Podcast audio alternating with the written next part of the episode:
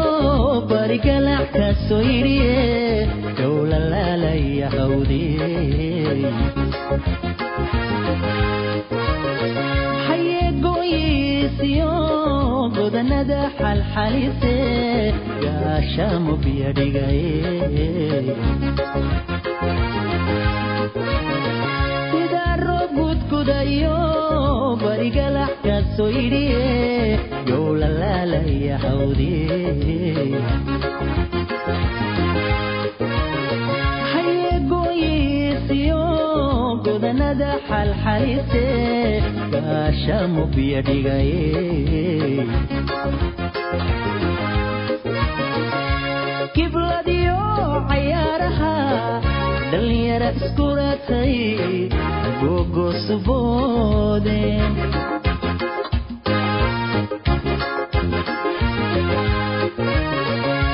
gibladiyo cayaaraha dhalinyara iskuratay gogosuboode anna waxaan guyaal badan gaaf wareegaba adan adan adan ku goleeqay anna waxaan guyaal badan gaaf wareegaba adan adan adan ku golee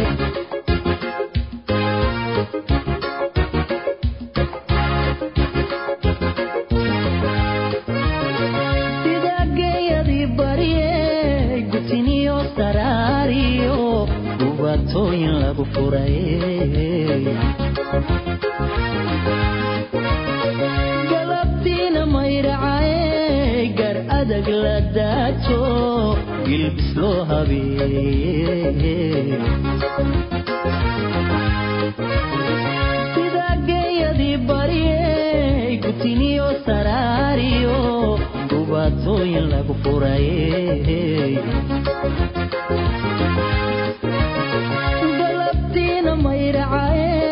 gar adag la daajo gilbis loo habeeye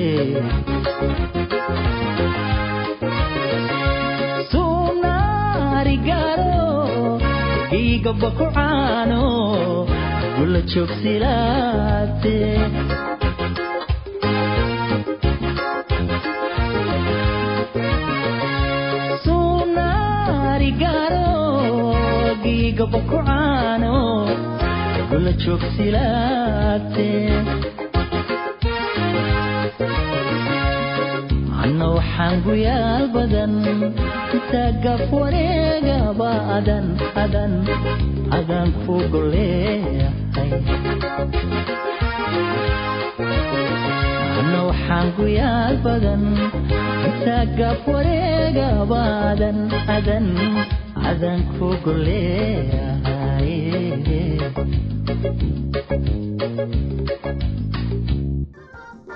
qaado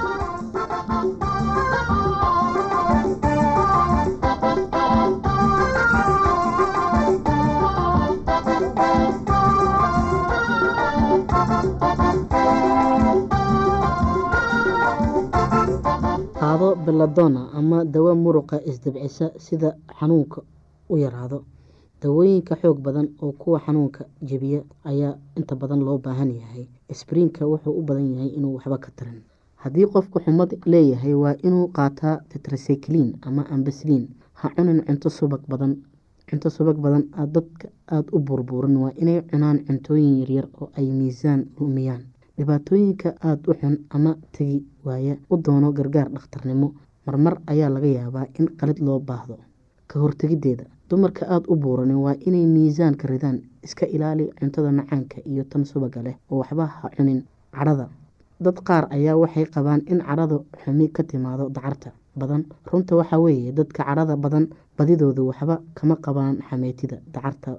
Waa caadi hase ahaatee dadka cudurka xameytida hayaa haddii ay goor haddii had iyo goor baqdin ay ku nool yahay ay ka baqayaan in xanuun xumi ku soo noqdo sidan daraadeed way cadho dhow yihiin ama goor walba waxay ka warwaraan caafimaadkooda. Geerida oo la ogolaado sida qaalibka ahi dadka da-da si ka weyn sida dadka loo jecel yahay ayay ugu diyaar yihiin inay ogolaadaan geerida ku soo socota inta badan. Waxaynu isku daynaa inaynu qofka noloshiisa dheereyno inta aan kari karno. Wax kasta ha nagu qaadato marmar dhibaatadii haysay qofka iyo reerkiisa way sii kordhisaa marmar badan ayaa jira oo sida u raxmada badan aanay ahayn in labadii doono dhakhtar in la baadi doono dhakhtar ama dawada ugu wanaagsan ee ay tahay in lala joogo ee la taageero qofka dhimanaya. Xusuusii inaad ku faraxsan tahay waqtigii wanaagii iyo dhibaatadii aada soo wada marteen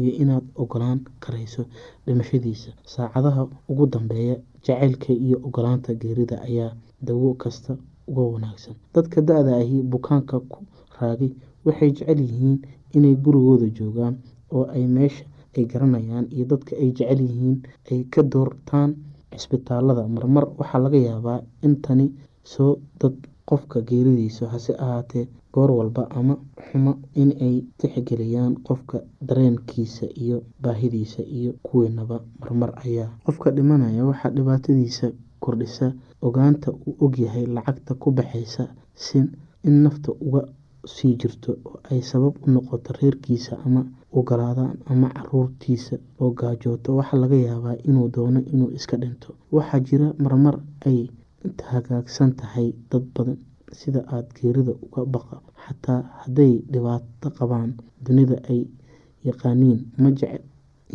ma jecla in ay ka tagaan dhaqan kasta ama dhismaha dhimashada.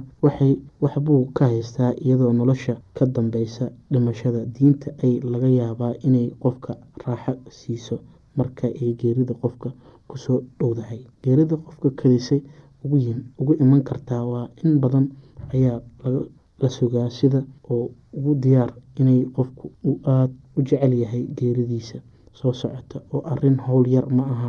Inta badan waxa uu qabaa wuxuu qaban karaa waa taageero ama raxmad garasho ayuu diyaar u ahaada geerida qofka yar ama carruurta weligeed ma howl yara raxmadda iyo daacadnimada waa laga mamaarmaan Dhageystayaasheena qiimaha iyo qadarinta lahu waxaa halkan noogu dhammaaday barnaamijkii caafimaadka. Waa shiina oo idin leh caafimaad wacan.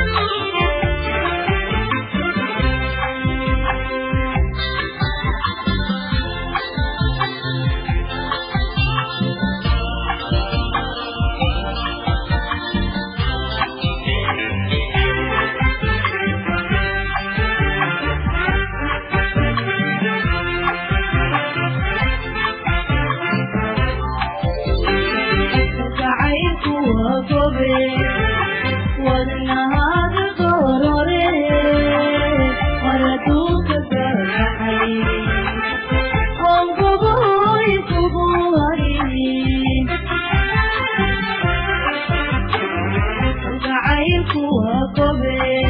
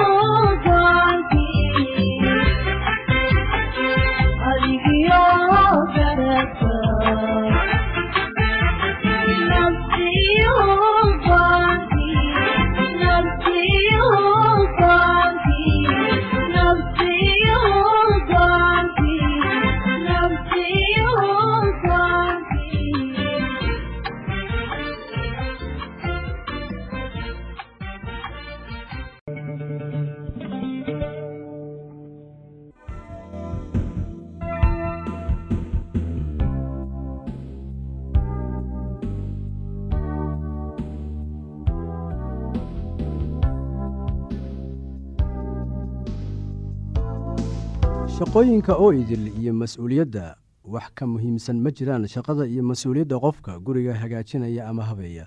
Iyada oo laga fikirayo muhiimadda ballaaran ee ay haweenku ku leeyihiin adduunkan ayaa nin waxa uu yidhi sida tan waxaa jooga adduunkan waa wax ka soo farcamay naag uun keyr iyo sharba. Inaad ku raacdo laga yaabaa inaanay ku raacin laga yaabaa. Laakiin taas waxaan uga dan leeyahay inaad ku raacdo ayaa laga yaabaa ama inaadan ku raacinba.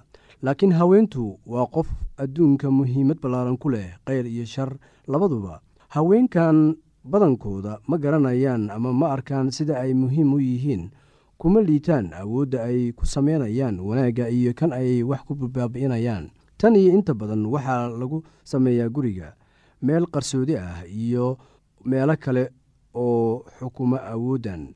Taas waxaan uga dan leeyahay meel qarsoodi ah oo iyaga oo qura ayuunbaa xukumo awooddan hooyada inay noqoto guri maamulaha ayaa ah midda ugu weyn adduunkan. Noqoshada hooyada waa mid aad u adag oo khatar ah laakiin wax beddeli kara iyada ma jiraan.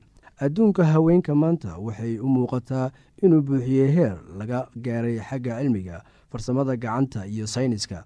Laakiin bulshadeenna waxay noqonayaan caawimaad la'aan iyo rajo la'aan guri sameeye la'aantii kuwaasoo saacado badan ku qaata inay cayaaraan qaybo yaryar sida weeldhaqidda dhulxaaqidda dhaqidda iyo tulidda dharka soogelidda soo gadidda cuntada loo baahan yahay iyo qabashada shaqada kale ee looga baahan yahay guriga. Waxyaalahan kulli markii la isku dardaro waxay sameeyaan guri. Ka dhig meel adiga iyo familkaaga u gaar ah meel ka xirxiran qalbiyada adduunka maanta. Meel leh jacayl iyo is-aqbalid meel leh difaac waa guriga e gurigu waa sida shay baar nololeed oo ay dadku ku koraan. Meesha carruurta saqiirka ah ee aan si caawin karin guriga waa sida shay baar nololeed oo ay dadku ku koraan. Meesha carruurta saqiirka ah ee aan iscaawin karin ku koraan waa meel carruurta koraysa iyo dadka waaweyn isdhexgelayaan oo ku baranayaan inay qof noqdaan kaasoo daryeela qalbi qaboojiya jeclaada waxqabsada noqda qof mas'uuliyad leh oo u adeegaya ilaahay dadkaba. Fikradda ugu muhiimsan ee guri sameyn ku jirta ayaa waxay tahay guri sameeyaha fikradda uu ka qabo guri sameynta marka uu shuqul maalmeed guriga qabanayo. Baaritaan lagu sameeyey guryaha ayaa waxa uu sheegayaa in hooyooyinka sida ay u arkaan ama u waajahaan shaqadooda ay sal u tahay xaaladda guud ee reerka. Islamarkaasi aad tahay guri hagaajiyaha waxa aad tahay qofka ugu muhiimsan gurigaaga bulshadaada iyo qaybaha kale ee adduunka.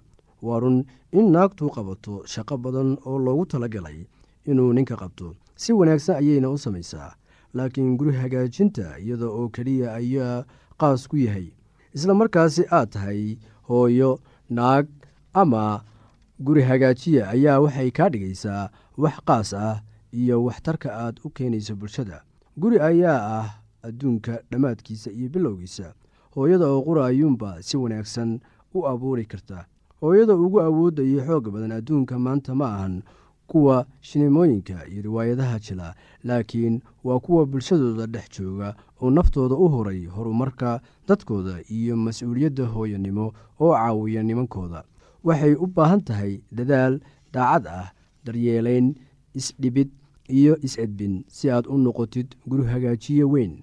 Inaad gacan ka geysato koriinka wiil iyo gabar barbaaraya oo noloshooda isaga raaxaysanaya oo waddani sax ah oo laga doonayo iyaga oo laftooda inay aaqirka guryo dhistaan oo ay waddada ilaah qaadaan ayaa ah shaqo culus oo laga doonayo qofka guriga hagaajiyaha ah. Waa run oo waxaa dhici karta inaad gacan ku leedahay shaqo kale laakiin aad fursadda u horaysi aad siiso guriga hagaajinta u adeegidda ninkaaga saaxiibadiisa iyo dhaqaalaynta carruurtaada markaa kadib ayaad fursadaha kala siin kartaa shaqooyinka kale.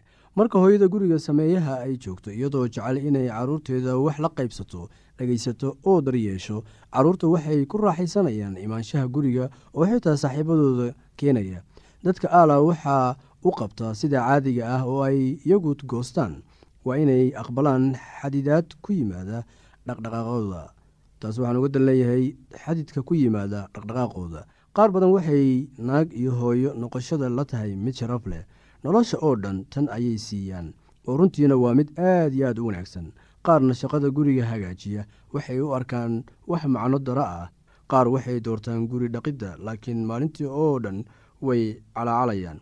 Qaar waxay isu guursadaan sida iyagoo qorsho kale isla gelaya aniga qaybteyda oo qura ayuunbaa samaynaya waxaan doonayaa sinaan iyo cadaalad. Ma jirto nin ama cunug ixukumaya oo ama ixukumi kara oo wakhtigayga iyo xirfaddayda qaadan kara. Hase yeeshee qaar waxay guurka iyo waalidnimada u aqbalaan sida axdi la xiriira jacaylka uma aqbalaan sida wax qasab ku ah inay sameeyaan jacaylka waxa uu si xoog leh u saameeyaa waxa ay gacantu awooddo inay samayso. Jacaylku wuxuu ku farxaa waxa aad samaynaysid isla markaasi aad samaynaysid